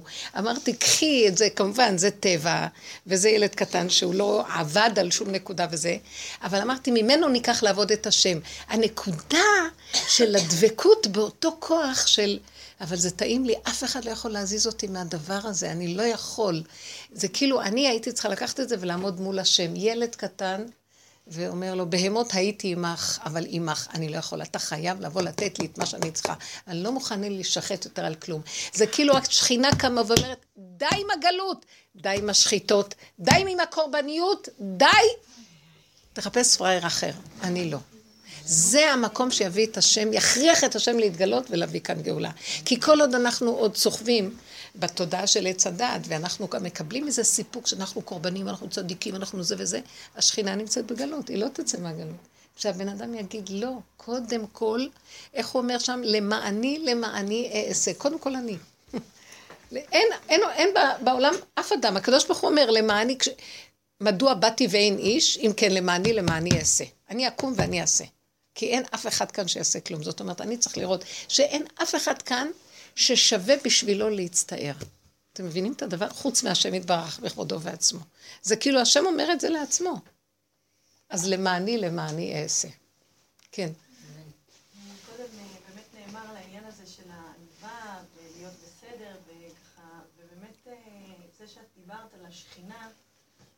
אה, פשוט כל כך אמת של להבין שמה שנדמה כנתינה או התחשבות, או הנה אני לא אגואיסטית כי אני נותנת, זה בעצם הכי אגואיסטי והכי יהיר, כי אני בעצם נכון. פוגעת בה, בה ובו. יפה. לא, כי אני פוגעת באמת. כן. ועכשיו, אני, אבל, אבל אנחנו לא יכולים לדלג על תהליכים. אני לא יכול לבוא מדור המבול ולבוא למחיית עמלק. אני צריכה לעשות את הסור מרע ועשה טוב. כי הרסנו את העולם על ידי אכילת עץ הדת, פרשת כי תישא על ידי מעשה העגל, ובמקום התורה של גילוי השם, קיבלנו את הלוחות השניים, והלוחות השניים מתלבשים על העקמומיות של האגו. אנחנו עדיין יש לנו אגו, אז בסדר, אם יש לנו ישות ועצמיות, לפחות שהיא לא תהיה רעה, והיא תהיה טובה, כי עצמיות רעה מחריבה עולם. אז החרבנו את הבניין של העולם, ועל ידי זה שאנחנו מבררים כל הזמן את הטוב מן הרע, אז העולם הולך ונבנה בחזרה. עדיין בעל הבית לא הגיע לעולם. עדיין אנחנו צריכים לגמור את החורבן הזה, מה שנראה שהעבודה האחרונה נגמרת, מחיית עמלק מתחילה לשפץ את היסודות התחתיים של חדר המכונות של הבניין והביוב, ואחרי זה בעל הבית רוצה להיכנס לבניין. זה כאילו, הוא אומר, עכשיו, המחייה האחרונה, אתם תחרישון ואני אלחם לכם, אני מגיע, תורידו ראש. אף אחד לא ירים ראש שאני מגיע. אתם תתחילו עם המוח שלכם להתרחב, אתם מאבדים את האפשרות שאני מתגלה עליכם, וזה מסוכן מאוד. כי תראו, אנחנו מגשימים את המחשבה, הוא בא לחתוך אותה ואנחנו עוד מחיים אותה. מה, באמת? העין שלו, אז זה כך וכך וכך וכך וכך, מתרחב נהיה עניין. למה לי? אתם יודעים, תיקחו בכל מיני דברים אחרים. פה איזה מיחוש קטן, פה איזה חיסרון שקרה, פה זה... תפסו מהר את המוח, תסגרו אותו. לא יודע, לא מבין. טיפה של מצוקה, לא יודע, לא מבין. פה מד הייתי אומרת, חפשו איפה במצוקה יש נקודה. לאחרונה אני אומרת, אל תחפשו כלום. זה כבר לא זמן לחפש. תסגרו את המוח ותהיו ב... ב אל תתרחבו במצוקות. כי בשנייה זה נתפס ואת לא יודעת איך לצאת מזה עכשיו. ונהיה מצוקה ונהיה, אנשים מחפשים כדורים. אבל הבעלה היא קורית לפני שאתה בכלל שם לב למחשבות, לפחות כמו שאני הרגשתי, שלפני ששמתי לב בכלל למחשבות, כבר הייתה הבעלה הזאת בגוף, כאילו. כן, אז תזהי אותה, תזהי אותה וישר תמסרי אותה. את יודעת שזה מצוקה. נכון, זה קשה, כי את, את רואה מה קורה לך במוח של עץ הדת, את מחפשת פתרונות מה לעשות עם המכתב הזה. במקום עכשיו לשים לב למצוקה, ברומטר צריך רק להסתכל על המצוקה ולא להשגיח על כלום, משם תבוא לך ישועה שאת לא תאמיני מאיפה ומה. כי את הצלת את השכינה מהכאבים. כי כשהבן אדם מתעקם עם הכאבים של מציאותו על ידי הדמיונות שקורים לו והוא מתרגש מזה, השוכן איתם בתוך תומותם ובכל צרתם לא צר. עכשיו השכינה איתו במצוקה. צר לשכינה מהצער שלו. אז אם הוא לא בצער, גם לה לא, אין צער. אם הוא בצער, גם לה יש צער. עכשיו, יש לי אחריות שאם אני בצער, אני מכניסה אותה לצער. לא רוצה להכניס אותה לצער. שימו לב על האחריות שיש לנו פה. לא שווה לי להיכנס בצער בכלום. תדעו לכם, זה המהלך האחרון של פורים. רק לצחוק. לצחוק, לשמוח, לסגור, ועוד לפני פורים אנחנו רק אומרים, אין כלום. לא לתת ממשות לשום דבר שמביא לנו כאבים והתרחבות בדבר הזה. אני אמרתי, אני מוכנה לעשות הכל, רק שזה יבוא בחלק, יפתחו לי דלתות, הכל בקלות, אני עושה טיפה של מאמץ במשהו, אני לא, לא עושה כלום. לא מוכנה. כן, יש מקום כזה שבוחנים אותנו, אם אנחנו מוכנים לגאולה או לא. אם אנחנו עוד קשי יום וניגש למאמץ, אז הוא אומר, טוב, לכו, יש לכם עוד כוחנות לסבול. אתם עוד רוצים לסבול. מה? זה לא השתדלות? כן, יש השתדלות. אבל זה בעץ הדת טובה. אנחנו כבר נמצאים בבחייה הרביעית, בחלק הרביעי, ואת כאילו שואלת על החלק השני. זה נכון, יש השתדלות. בסור מרע ועשה טוב יש אגו, והוא חייב להיות משועבד לטוב ולא לרע. ובהחלט יש הרבה השתדלות. בעבודה הזאת של המחיית עמלק גם יש, אנחנו עושים, גם יש המון השתדלות, רק היא לא השתדלות חיצונית, היא בהכרה וההתבוננות. בהכרה ובדיבור. כל הזמן מכירים וצועקים להשם, מכירים וצועקים, כמו שהיא עשתה. היא הכירה, היא לא רוצה את הצדק כי זה מביא לה כאבים והיא צועקת להשם. בחלק הרביעי, אני אפילו לא מוכנה את זה לעשות. אני אומרת לו, לא בא בחשבון לצעוק גם. גם אין לי צעקה. לך דומיה תהילה. לא מוכנה לצעוק. אפילו, אין לי כוח אפילו לצעוק כבר. יגיע שלב כזה. רבנית יכולה להסביר שוב בקצרה את החלק השלישי? החלק השלישי של העבודה זה מה שעשינו כאן רוב השנים. כל הזמן, העולם מבחוץ הוא רק המראה, והוא הסיבה והמקל להראות לי את המציאות הפנימית שלי, שזה השורשים ששם עמלק שוכב. כי בדרך כלל בסור מרע ועשה טוב, אני לא צריכה התבוננות מעמיקה. ישר אני רואה, הוא, זה אדם רשע, אני לא הולך להיות שם, הוא יגרור אותי לשון הרע, לא בא לי, אני לא מדבר איתו. אז אני בשליטה. פה אני עוזב את השני, אני רואה שהרע שהוא מראה לי שייך לי ואני יורד לשורשים להודות באמת שזה אני וזה לא השני. זה לא השני יביא אותי לידי זה שאני אגיד לשון הרע. הלשון הנערה, השורשים שלו אצלי. הוא באמת יכול להביא אותי, אבל זה כבר לא הנקודה שלי, הנקודה שלי להתבונן, אבל יש לי בשורשים. מה שאני לא אעבוד על עצמי, זה חוזר על עצמו שוב. תן לי לנגוע בשורשים. תן לי לזהות את השורשים. והשורשים זה הגדר של הצהרת שמשיח יושב. הוא לא ממש, אנחנו לא בחזקה שאנחנו נוציא את הפגם החוצה, כי יש לנו עבודת איפוק, מסור מרע ועשה טוב, אבל הוא בפוטנציאל קיים, הוא בחזקה. הוא לא ממש מציאות שיוצאת, והבחזקה הזה, זה נקרא משיח מצורע, זה לא מצורע ממש, הוא לא מצורע חלילה, הוא בחזקה. הוא בפוטנציאל. איך? יפה שאלת. האיתפחה זה השלב הרביעי, שהשם יילחם לכם ואתם תחישון, כי יתרון האור הבא מן החושך. אני גם שאלתי, כל כך הרבה עבודה עשיתי ושאלתי, אז איפה שאמרת, רב אושר אומר, שמתהפך החושך ונהיה אור פתאום? אבל אני קולטת שזו הנקודה שאני צריכה להזמין, שהשם יכול לעשות את זה, כי אני לא יכולה להפוך שני הפכים. השם יכול לעשות מאותו דבר הפוך. זאת אומרת, השם אוכל את הפסולת ועושה אוכל, אבל אני אוכלת אוכל ועושה פסולת, אני לא יכולה לעשות מה שהוא עושה. השם יכול להגיד לחומץ שידלוק, כמו שהוא אומר לשמן שידלוק, אני לא יכולה. לכן אני צריכה להכיר שעשיתי את כל העבודות ואני תקועה, והוא הבורא ואני הנברא, הוא חייב לעזור. הוא חייב לקום ולעשות. לכן הסוף זה רק לתת לו למלוך ושאנחנו נוריד ראש. וכשהוא אומר, לך עמי בוא בחדריך, זה כאילו, אל תפריעו לי. כי אתם בישות מפריעים, ברצון להבין אתם מפריעים, בהתרחבות השכלית והפרשנות אתם מפריעים, בהתרגשות הרגשית אתם מפריעים, במעורבות אתם מפריעים. צמצום, קטנות, אין מציאות. אני ראיתי את זה. אה, מבן אדם שהיה אצלי, וככה בשניות ראיתי איך הפיוז, לאחרונה כל הזמן נדלק הפיוז, ואני בסכנה שאני אגיד מילה ו... ואז אמרתי, הוא לא קיים. הוא לא, הוא לא מציאות. בשנייה אחת, תזהרי לך, הוא לא קיים. הוא לא קיים, אין מציאות. אין אף אחד פה. מה זאת אומרת הוא לא קיים? הוא קיים, אבל לגבי דידי, אין מציאות שאני אעשה ממנו משהו. זהו, נגמר. אבל זו התאמנות מאוד גדולה, וגם הרבה פעמים, למשל, בנושא הזה של כספים, זה מאוד כזה, זה הניסיון הכי קשה בעולם. הנושא שהפחד שהמדינה הזאת מטילה על האזרח, מס הכנסה וכל הדברים האלה, זה אי אפשר לתאר, כי יש להם, יש להם כביכול, ואני רוצה להגיד לכם משהו. יש כביכול בידיים שלהם המון כוח. כל הכסף נמצא ברשותם, כל הכוח ברשותם, והאזרח הקטן תלוי בהם, ועל זה הם רוכבים להפחיד את האדם. וכולם מבועטים ומפוחדים. הם יושבים על משכורות של 100 מיליון, 8 מיליון שקל בשנה, זאתי ב... לא רוצה להגיד. מוביל- ואתה- ואתה חייב להם כמה אלפים ש- שזה, אז אז הם כבר עושים לך, רוצים לעכל לך כן, את בדיוק. האוטו, את ה... וברגע אחד הם מוחקים לאלי הון מיליארד של שקל, ולמסכן הזה שחייב את זה, יורדים עליו. אז לכן תדעי שהפרופורציה כאן זה שאני מדי מפחדת, והדמיון שלי גדל, והם מצליחים לשלוט עליי על ידי הדמיון שהם מטילים עליי, אבל הם לא מציאות. ולכן, אה, גם כן, אה, פעם נכנסה מישהי לרב אושר שהייתה אוספת כספים, אה, היא עבדה בעירייה.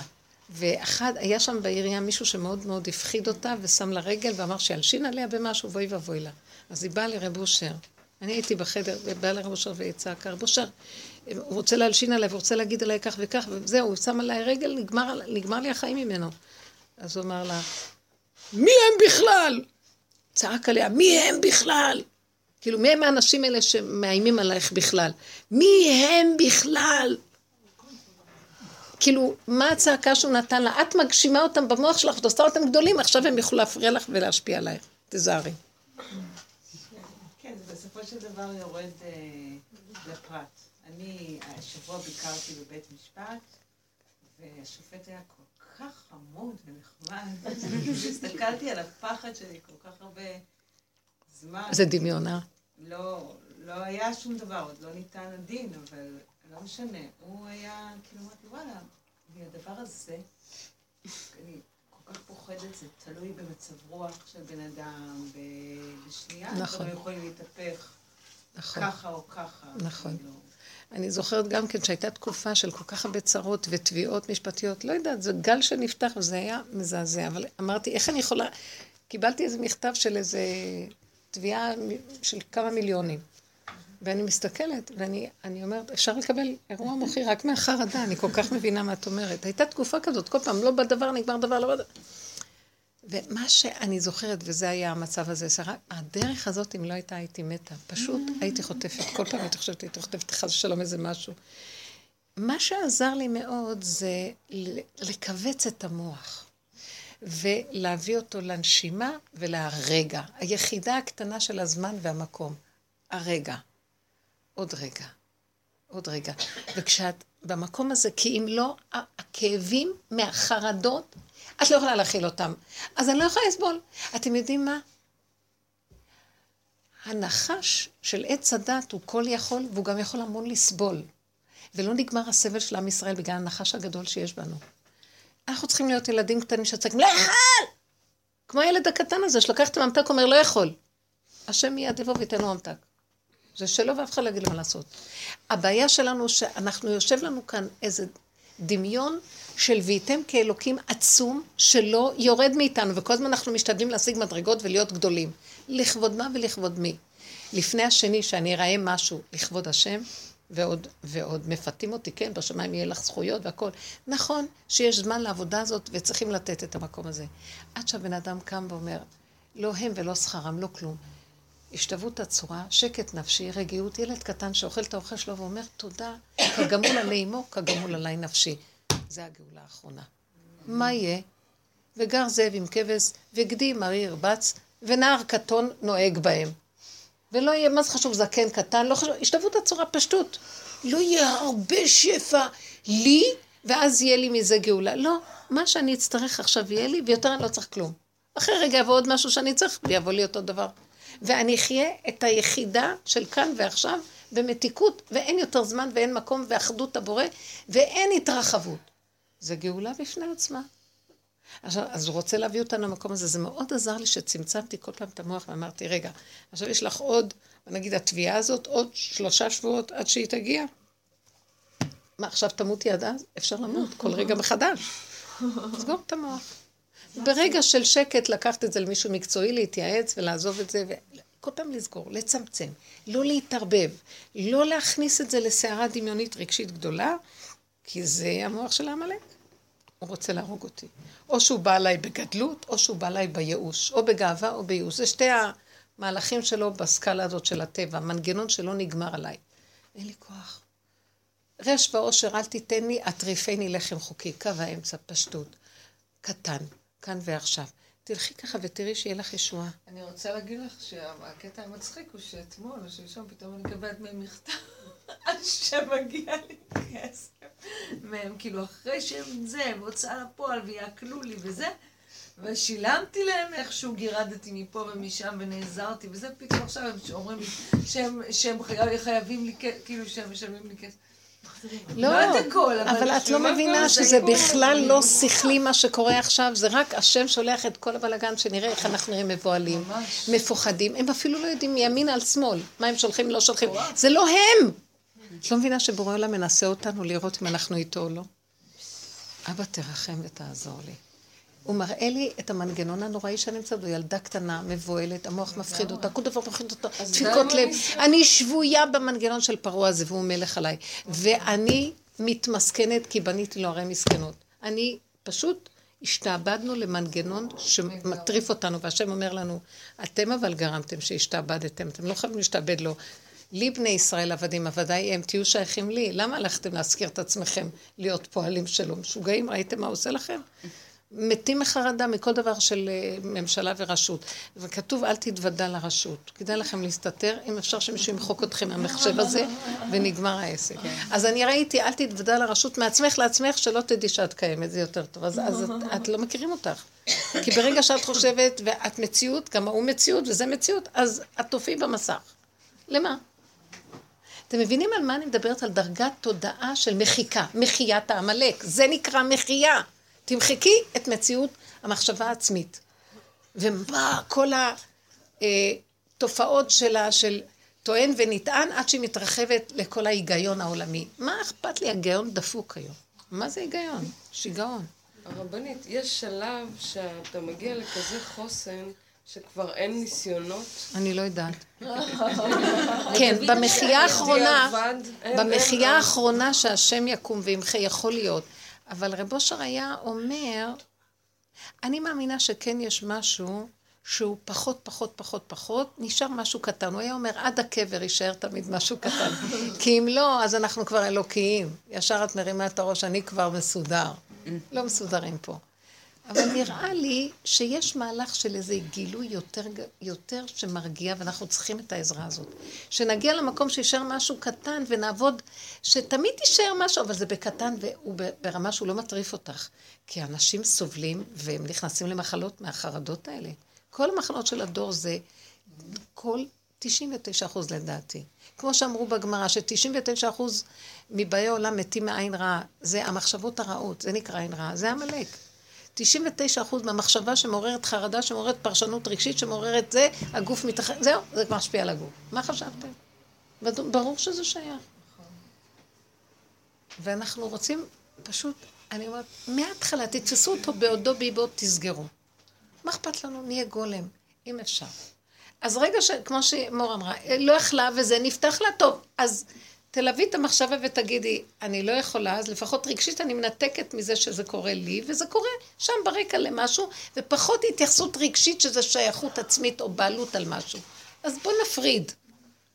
זה פחות כואב, זה טריק. לאט לאט לאט, עד שנהיים אבן. אתם זוכרים? דיברנו על מדרגת האבן. אבן, לא קשור אליי כאן כלום. זה טוב. ואז באמת אנחנו רואים שהמנגנון הזה רק כאילו הדביקו אותו לנו, זה לא באמת אנחנו. לא יודעת למה אני קוראת לעצמי אני, אני אפילו לא יודעת מי אני. אני לא יכולה לזהות מי אני, המוח הזה מתחיל ליפול, אפילו יסוד היהדות שבי לא יודע מי הוא. באמת, זה כבר לא מוח של טבע שיכול לזכור אחד ועוד אחד שווה. אני יכולה לזכור, כן, אני זה, זה, נולדתי למשפחה זה וזה, גר ברחוב זה וזה, יש לו דוד כזה, ויש לו ייחוס כזה וזה. ופתאום הכל נופל, ואני נשארת עם הנשימה. אתם יודעים, הנשימה הזאת מצילה אותי? אני לא יודעת מי אני. אבא, רק אתה חי וקיים, אין עוד מלבדו. אני גולם שלך, אתה רוצה? הנה, דפנות, וריק בפנים, תיכנס. אין לי כוח. כי ברגע שהמוח הזה מתעורר, ישר הצהרות. אני כזה, ואם אני כזה, אז למה הוא כזה? אז מגיע לי זה וזה, ולמה לא נותן לי? ישר כאבים. לא יכולה, לא רוצה, לא מעוניינת. אם טיפה שאתם רואים כאבים, זה תלוי כנראה ביחסיות שיש עוד שני. ואני רוצה כבר אחדות הבורא, אין לי כוח, אין עוד מלבד היותר טוב לי. ואני אומרת, אם יש כאן שני לו, יהיה לי כאבים. אין שני לו, אין כלום. איך שזה ככה בסדר, סוגרת תיק שלום. הוא במקומו אותו בן אדם שמרגיז, ואני פה, מה זה קשור אליי? חיה איתו, מבשלת לו. לא קשור. את רואה? את מבשלת לעצמך. כן. את מבשלת. לך. מה זה קשור אלייך? הוא בא ואוכל. איך שאת עושה שהסיר שלך, והוא בא ואכל לך, והוא שלך, כי אם זה היה מהרחוב לא נורא, אבל זה הוא ש... אז שמת לב מה המוח עושה? הוא עושה בעלות על כל דבר. קחו מנה של איסורים. לא אכפת לי בעלות שעוד משתחווה לי ושמה אותי להיות אה, הבעלים שלה, אבל כשהוא מרגיז אותי ואני פתאום נהיית שפוטה של אותו דבר, זה מרגיז אותי. אין לי סבלנות. אני אגיד לכם את האמת, תזהו מה מרגיז אתכם, תברחו. כי אין לדבר הזה סוף פה. איך אומר קהלת, מעוות לא יוכל לתקון. המנגנון של עץ הדת, אין לו תקנה. אין לו תקנה. בגלל זה, בגלל מה שאת אומרת. תפרקי את השייכות. מה. מה? לא להתגרש, לא לברוח. לא להתגרש, לא לברוח, לגרש, לשאת גט במוח, מה שנקרא, במוח אבל אם. את אומרת שאם משהו אז מרגיז על מה את חושבת? איך החיים שלך נראים שאת ככה? כלום, רק סיר. את רואה סיר, סיר. פשוט לא נמצאת בבית, היא כל היום מסתובבת, תגידי את האמת. אז רגע, אז זה תופס אותי במקום אחר. מה את חושבת? ברכבת עלה מישהו והרגיז? אותי. אה? את שרה? באמת, מה- איך זה נראה לך? לא, אני, אני, אני ב... בוא ניקח, אל? תגידי מה אני. בואי, כולנו, אני נופלת כל הזמן, מה קרה? אבל הנקודה היא לקחת את זה ולהגיד, זה מכאיב לי, מה, מה הכאיב לי? השייכות שלי לדבר הכאיבה לי. זה לא הוא, וזה לא אסיר, זה לא כלום. זה, זה, זה שלי, והוא לא עשה מה שאני רוצה שיעשו לי. אז השייכות. כי אם השכן היה נכנס ועושה משהו, לא אכפת לך, או אם זה היה לא אסיר שלך בכלל. לא את הכנת אותו, מישהו אחר. זה הנקודה של השייכות והבעלות עושה כאבים נוראים גדולים. אז הוא השם מראה לי, את לא בעלות, אין לך בעלות על כלום פה, אני הבעלים. זה עבודת הבעל, והלכו אחרי הבעל, בעבודת הבעל. הכל אנחנו, יש לנו בעלות על כל דבר. וזה עושה לנו כאבים.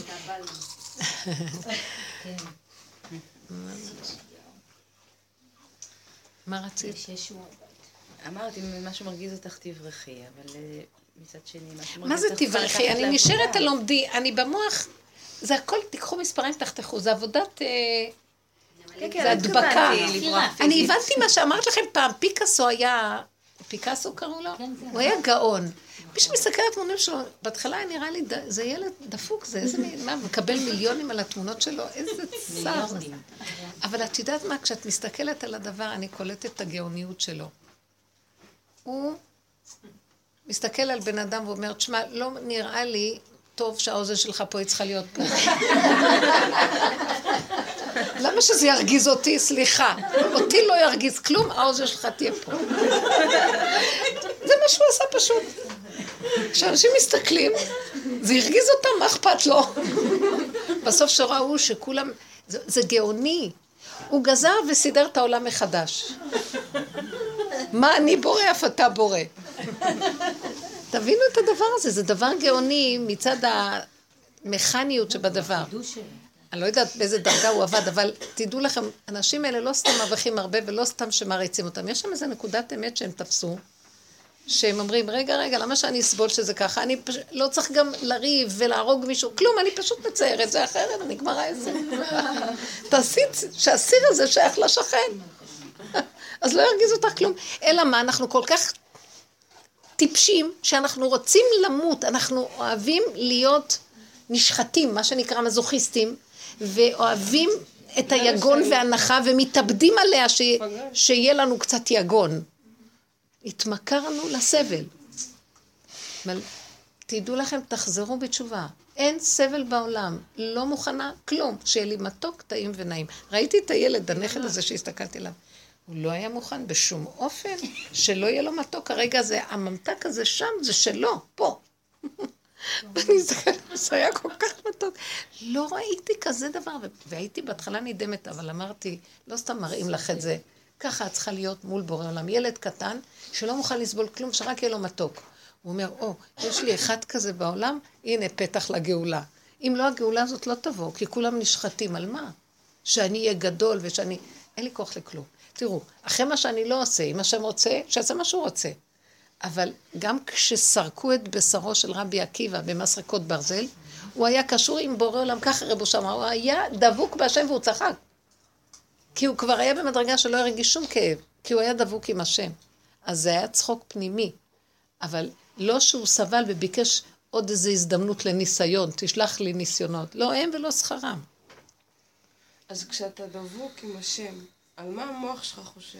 אין מוח. רק נושם? לא הדבקות? הדבקות בהשם, היא, היא כשנגמר המוח, פשוט הבשר הולך עם היצריות שלו בפשטות, ילד קטן, בהמות הייתי עמך. זה נקרא הדבקות. אין אפשרות אחרת. אל תחפשו על חוק מלאכים, אל תחפשו מלאכים בשמיים. כלום. פשוט הילד הקטן שבאדם זה גילוי שכינה. אה, כן, זה כאילו ילדים בממלכת השם. באיזה מקום כתוב הדימוי הזה? קטנים, מתוקים. איך כתוב? אה, ש... אני לא זוכרת את הפסוק, אבל לא חשוב. משהו שהילד הקטן בסוף הוא יוביל. כי הילד הקטן שבאדם הוא הכי אמיתי. והאמת שלו היא מהבשר, היא לא דרך השכל, ואין לו יכולת בחירה אחר. זה הכי אמת. כי אין לו אפשרות אחרת, אין אפשרות. עכשיו, זה רק אנלוגיה. אני לא רוצה להיות ילד קטן יצרי, שלוקח לשני ואומר אני לא יכול אחרת. אני רוצה להגיע בעבודת הנפש למקום הזה.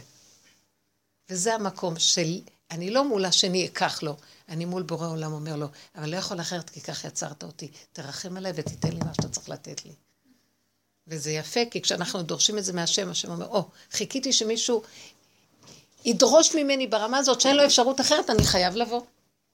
אני חייב לבוא, אתה מכריח אותי להתגלות. אני מחכה שמישהו יכריח אותי להתגלות באמת.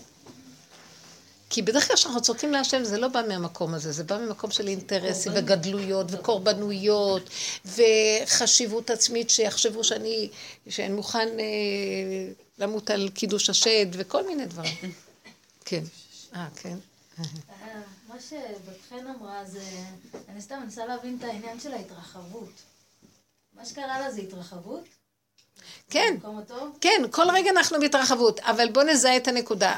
היא. עכשיו שמעה מבעלה איזה דבר. עכשיו, הוא היה מראה שמראה לה איך, הוא אמר משהו, והיא התפוצצה מזה, נכון? עכשיו, היא לא רוצה שזה יהיה ככה, אז היא רוצה משהו אחר, אז היא הולכת לעשות מלחמה. אז עכשיו היא מזהה שהמלחמה הזאת, להיות צודקת ולתת לו מוסר ושהיא תנצח אותו, מביאה לה כאבים. לחץ, מתח, רוגז, אה, סערה, היא לא נהנית ממה שהיא עושה עכשיו. זה ממלא לה את חלל המוח וחלל הרגש, והיא הלכה לאיבוד עכשיו. והיא רגע מזהה ואומרת, ותראו איזה דבר מצחיק, כי זה שכלי, מה זה שהוא עושה ככה? והמוח יכול לשכנע אותנו, ובא איזה קול פנימי ואומר, אני רוצה ליהנות מהווילונות! רוצה ליהנות מהווילונות, כל כולו. כן, זה יותר חשוב, זה אמיתי יותר. למה שננצח? מתו המון אנשים שרצו לנצח וכלום. עכשיו הם קבורים, ואלה שרצו ליהנות מהווילונות חיים. ככה זה נראה. זאת האמת, זאת אמת. אתם לא יודעים כמה הפוך העולם. והאמת חותמו של השם, הוא אומר, תהיו קטנים, תהיו אמיתיים, אני בא אליכם מיד. מה שתבקשו, אני אתן לכם. ילד צורח, אדם מתפלל לו לקבל. ילד צורח, צרחה אחת, כולם קפואים, מביאים לו מה שהוא רוצה. כי זה יוצא מעומק הבשר שלו. אה, קרוב השם לכל קוריו, לכל אשר יקראו באמת. הבשר שלו צועק, כי אין לו אפשרות אחרת. זה נראה, מה אין לך איפוק? תפסיק כבר. ובאמת, כל עוד יש לנו דעת, אנחנו אמורים להתאפק, כן? הלוואי שתיגמר הדעת הזאת. אבל אז שהיא תיגמר, יהיה מק... ועשינו עבודות, והיא נופלת, אז גם היצריות תהיה מול השם. היא גם לא תרצה להיות בעולם, כי היא קטנה בפנים. אנחנו ילדים של השם, אנחנו בהמות עמך. אתם מבינים את ההבדל? זה הדבקות דרך יסוד הבשר הפשוט של האדם, שם נמצאת שכינה. זה לא המוח במדרגות הרוחניות. זה עוד בתופעות של הדמיון, של עץ הדת, אנחנו הולכים לאיבוד עם הרוחניות, הרוחני הזה, זה מסוכן. כן, גם בעולם, גם בעולם התורה, תדעו לכם, בעולם התורה של תלמידי חכמים, הם מאוד מפוקחים ומפוקסים באמת הפשוטה. של פסק פשוט של הלכה. הם לא ברוחניות ולא במדרגות של היי וכל הדברים האלה. יותר אנשים שמדומיינים בחסידות או כל מיני דברים הולכים לאיבוד בכיוונים האלה. אבל באמת, באמת, הכל מאוד פעם תלמיד, אה, אה, נו, תלמיד ישיבה צעיר, הלך לרב, שמול, אה, לרב אוירבך, זצ"ל, שהיה. הוא אמר לו, הרב, היה צעיר, בן 18, צורף צעיר שיושב בישיבה, הרב, אני רוצה להיות גדול בתורה. אני רוצה ברכה שאני אהיה גדול בתורה. אז הרב הסתכל עליו, חייך, ליטף אותו ואמר לו, אז תאכל טוב ותישן טוב ותלמד טוב. פשוט. מה, תחפש לי דרגות. תאכל טוב, תהיה מאוזן. כי אתה תלך לאיבוד, יהיה לך התלהבות יום אחד, יומיים, חודש, אחר כך תשקע במראה שחורה. לא. איזון, פשטות. והשם איתך. השם יזכה לנו ללכת בישרות אמיתית, פשטות, קטנות של האמת מבשרי אחזה אלוקה. אבל זה תהליך, כי באמת זה נשמע מה? אבל איפה לא עבדנו? באמת, רובנו כאן אנשים שבכל אופן עבדו על עצמם בכיוון הזה, ועבדו בכיוון הזה, ואחר כך נכנסנו בעבודה הגדולה הזאת של ההתבוננות ולקיחת אחריות עצמית, ולא להאשים את השני, אפילו שהוא אשם, אני לא מחפש אשמים, אני מחפש לראות את האמת שלי ולהודות בה, אבל בסוף את, את תגידי את האמת. את מחפשת להיות צודקת. את מחפשת באמת להיות צודקת, לא כדאי לך. כי להיות צודקת, אין, אין בעולם הזה צדק. סתם את נשחטת על משהו. אין כאן, האמת נהדרת ואין כאן צדק. ככה זה. אומר קהלת, במקום המשפט שם הרשע. אין צדק פה. אחר כך מאוד טיפשי, אחר כך ירד לי כל ה... כשזיהית את הדבר הזה, מי רוצה בכלל לריב על משהו טוב? אתה צודק, תעשה מה שאתה רוצה. כי גם האגו הזה שהוא נפגע, והשנייה רואה אותי, מי היא בכלל, ומי אני, ומה קרה, והכל דמיון, ואנשים נשחטים על הדבר, מתים, ממלכות שלמות הורגות אחת השנייה על הדבר הזה. כל הדורות, המלחמות בכדור הארץ זה מזה. אז תגידו, זה אינטליגנציה זה? אינטליגנציה פשוטה רוצה ליהנות, לאכול, ולהיות בשמחה, ולא להזיק לאף אחד, ולהגיד תודה ושלום. בשביל זה נברא אדם. שאם הוא יהיה כזה נקי, אז השכינה תרד בתוכו, והוא ייהנה מהחיים, ולא יחסר לו דבר. והוא יודה כל היום להשם, רק יגיד תודה כל היום. וזה מה ש... אה?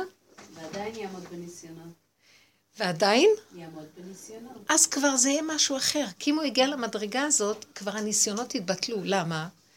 כי הניסיון, תקשיבי, ניסיון זה דבר שהמוח של האדם עומד בסתירה והוא לא יודע מה לעשות כרגע. נכון? זה זמן של התנסות שהמוח שלו בסתירה והוא לא יודע מה לעשות, אחרת זה לא נקרא ניסיון.